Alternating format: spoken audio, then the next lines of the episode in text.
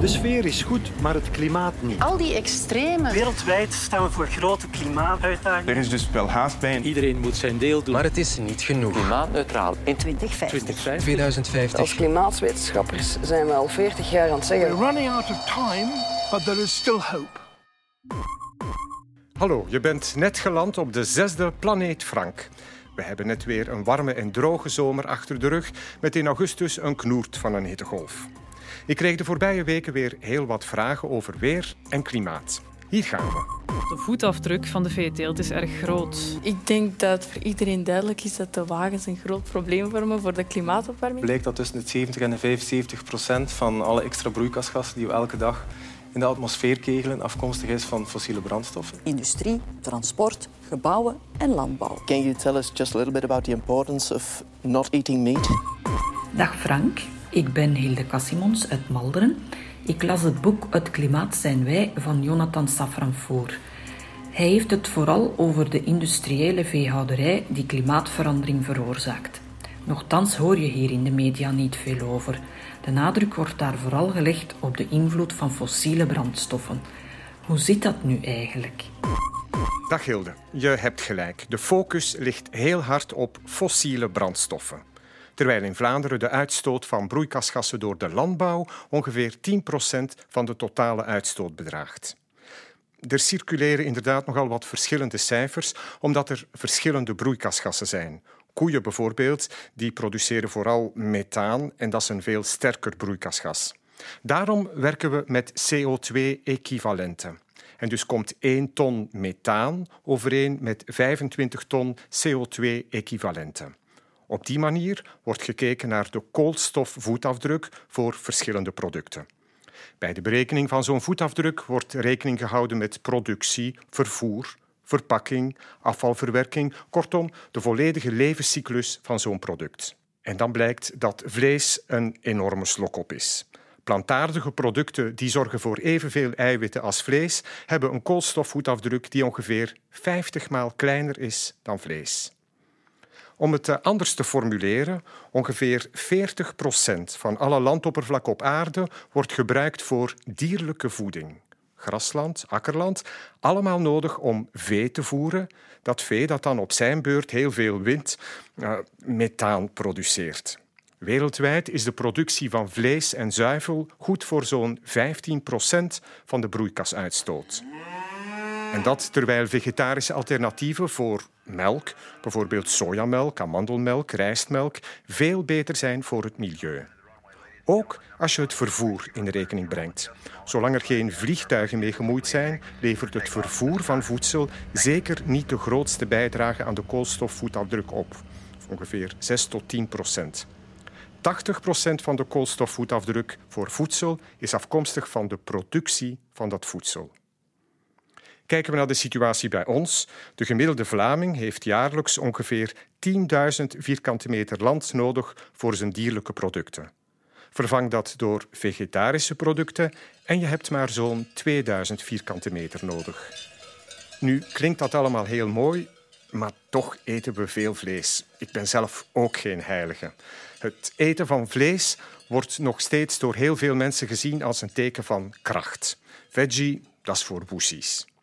Nochtans, topatleten als Carl Lewis en Edwin Moses, dat waren vegetariërs. Zelf ben ik na de dioxinecrisis wat meer vegetarisch beginnen te eten. En ik heb bijvoorbeeld geleerd dat vlees van gevogelte, kip, kalkoen, dat dat een duidelijk lagere koolstofvoetafdruk heeft dan bijvoorbeeld rundvlees. En ik ben niet alleen. Tussen 2012 en 2016 is de vleesconsumptie van de gemiddelde Belg gedaald met meer dan 10 procent. Het is dus mogelijk. Maar uh, kaas is mijn zwakke punt. Tot slot nog dit. De belangrijkste tip om je koolstofvoetafdruk te verkleinen en geld te besparen is geen voedsel verspillen. Tussen een derde en de helft van alle geproduceerde voedsel gaat verloren.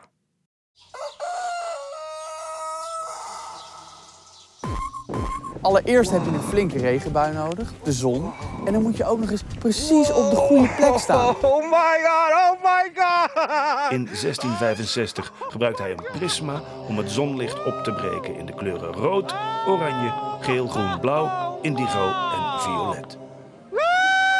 Far, far away. Behind the moon. Beyond the rain. Oh my god, look at that. It's starting to even look like a triple rainbow. Dag Frank.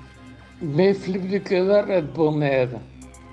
Telkens als het regent en zon schijnt, sper ik de hemel af op zoek naar regenboog. Soms kan ik een dubbele regenboog waarnemen. Nu is het zo dat de lucht tussen deze regenbogen donker is. Hoe komt dit eigenlijk? Hoi Filip, dat heb je goed gezien. Men spreekt over de band van Alexander. nee, het is een andere band. Alexander van Aphrodisias leefde rond 200 na Christus. Misschien eerst uitleggen hoe een regenboog ontstaat. Zonlicht bevat alle kleuren, alle kleuren van de regenboog.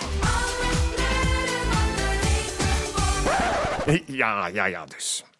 Als zonlicht invalt op een regenbui, wordt het witte zonlicht in alle regendruppels gebroken in verschillende kleuren. De breking van dat licht zien we bijvoorbeeld ook in glas. Er ontstaan dan allerlei kleureffecten. De brekingshoek voor verschillende kleuren is net iets anders. Aan de achterzijde van elke druppel wordt het zonlicht weerkaatst en dan volgt nog een tweede breking. De meeste invallende zonnestralen treden allemaal naar buiten onder dezelfde hoek, namelijk 138 graden. En daarom zien we de regenboog als een lichtcirkel met een straal van 42 graden om het tegenpunt van de zon. 180 min 138, dat is 42 graden. En dus het middelpunt van de regenboog bevindt zich recht tegenover de zon. Dat verklaart meteen waarom bij een laagstaande zon de regenboog zich hoog verheft boven het landschap en waarom je zomers rond de middag nooit een regenboog kan zien. Blauw bevindt zich aan de binnenkant van de hoofdregenboog, rood aan de buitenkant. Ik zeg hoofdregenboog, want soms ontstaat er een tweede regenboog, een zogenaamde bijregenboog. Die komt tot stand doordat er in de regendruppels een tweede weerkaatsing, een tweede spiegeling gebeurt. Daarom is in een bijregenboog de kleurenvolgorde net omgekeerd. Rood aan de binnenkant, blauw aan de buitenkant. En die bijregenboog heeft een straal van ongeveer 52 graden. En dan komen we bij onze fameuze donkere band van Alexander. De brekingen en weerkaatsingen binnen elke regendruppel zorgen ervoor dat invallend zonlicht nooit zichtbaar wordt tussen de hoofdregenboog en de bijregenboog. Al dat licht wordt gecondenseerd, bij wijze van spreken gestolen door de hoofd- en de bijregenboog. En daarom is de lucht tussen de twee regenbogen in altijd donkerder. Tot slot nog een uitsmijter. Het licht van regenbogen is sterk gepolariseerd. Als je een polarisatiefilter draait, kan je een regenboog helemaal doen verdwijnen. De natuur is machtig mooi.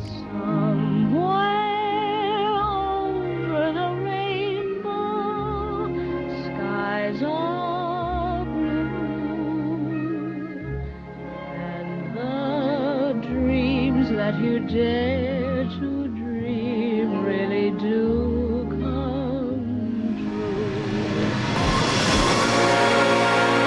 Welkom op de planeet Aarde.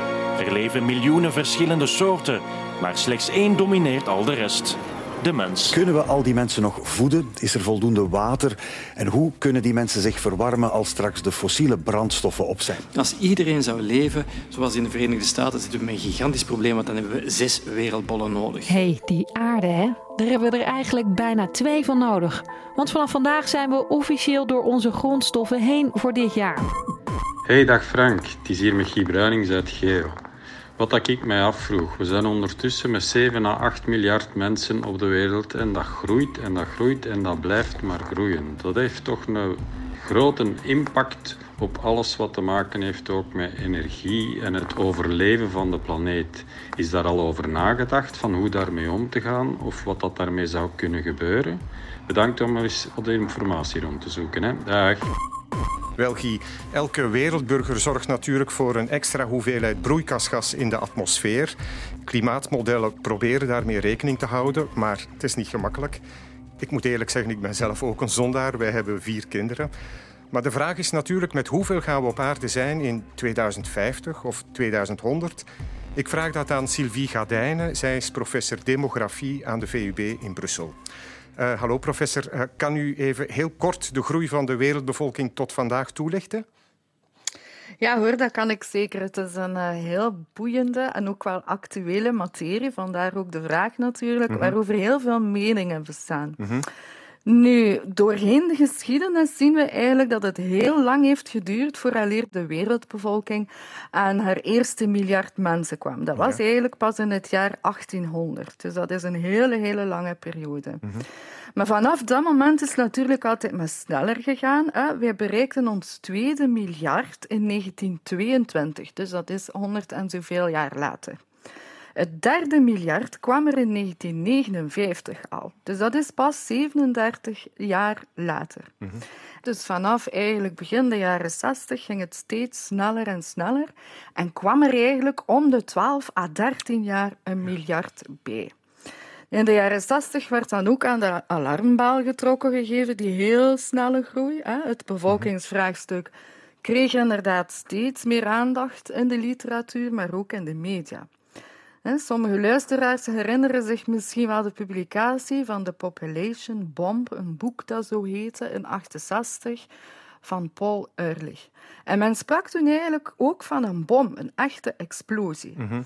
Ik herinner me toen ik zelf in het vierde leerjaar zat in het handboek Nederlands, leerden wij het woord explosie aan de hand van een voorbeeld met de bevolking, de wereldbevolking die aan het exploderen was. Ja, ja, ja. wij spreken dan over ja. exponentiële groei. Dat, dat gaat nu al ja. maar sneller. Inderdaad, wat je ziet eerst heel trage groei en dan in één keer zijn we vertrokken. En gaat het steeds sneller met die groei van de wereld. Stopt dat ooit? Of, want, want dan hebben we natuurlijk wel een heel erg probleem.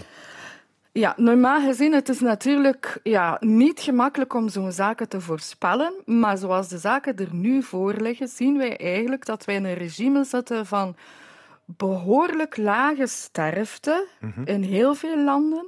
En eigenlijk ook wel behoorlijk lage vruchtbaarheid. Wij denken altijd oh. dat mensen maar kinderen aan het krijgen ja, zijn ja. en kinderen aan het krijgen zijn. Maar eigenlijk klopt dat niet. Wij zien in heel veel continenten dat de vruchtbaarheid gemiddeld rond de twee kinderen per vrouw schommelt. Allee, ik, eigenlijk... ja, ik, ik dacht dat de enige rijkdom van arme mensen dat zijn hun kinderen, maar dus dat, dat klopt niet. Of niet meer.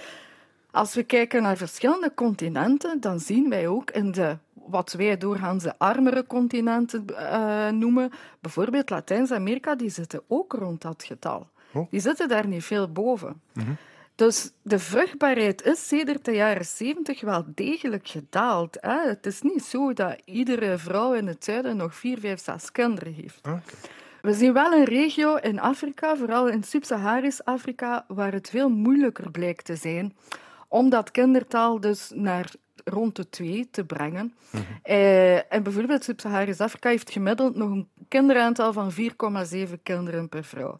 En in die regio, inderdaad, klopt misschien wel de stelling dat kinderen de rijkdom van de mensen zijn. Ja, ja. Want die hebben uiteindelijk niet veel anders om op neer te vallen ja. in hun oude dag, uh, economisch, et cetera. Dus... Mm -hmm.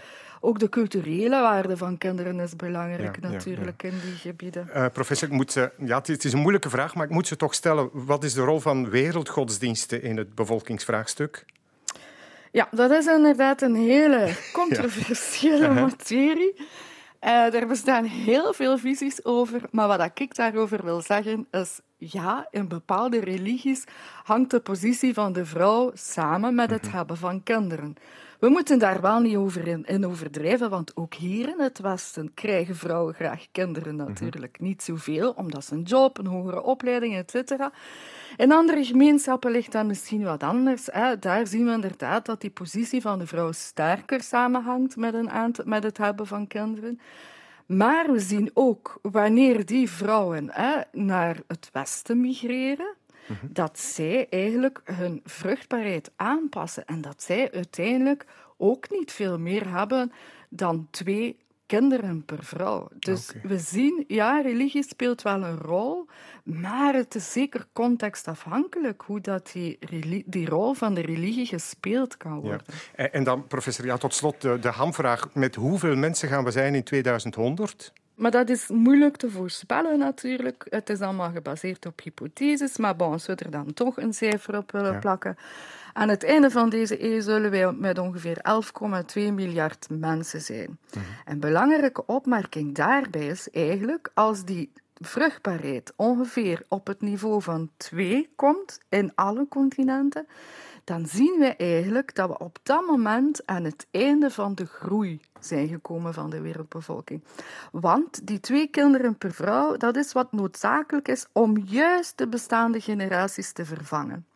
Als dat gebeurt, dan zal de groei stoppen eh, op het einde van deze eeuw en zullen we stranden op 11,2 miljard. Wat er dan zal gebeuren, weten we niet. Hè. Uh, het kan stabiliseren, het kan verder stijgen, het kan zelfs afnemen. Maar bon, we hebben geen glazen bol. Het is allemaal gebaseerd op hypotheses natuurlijk. Okay.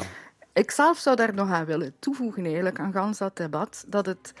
Oké, we zijn met veel en de planeet is aan het afzien. Hè. Er is degradatie van de bronnen, van de natuurlijke bronnen. Maar demografie is daar niet de enige factor in natuurlijk. We moeten ook kijken naar consumptiepatronen, naar technologie. Wij hier in het Westen hebben een enorm grote ecologische voetafdruk. Dus een geboorte bijvoorbeeld in de United States heeft een meer dan 500 keer grotere ecologische voetafdruk dan een geboorte in Bangladesh, om zo maar een voorbeeld te noemen. Professor, dank u wel. Ja, graag gedaan. Zo, dat was het. Heb je zelf een vraag voor deze podcast, dan kan je die altijd stellen via het invulformulier op de site, via hashtag planeetfrank of via e-mail planeetfrank.vrt.be. Tot de volgende keer. Dit was een podcast van vrtnieuws.be. Meer op de podcastpagina van vrtnieuws.be of via de podcast-app op je smartphone.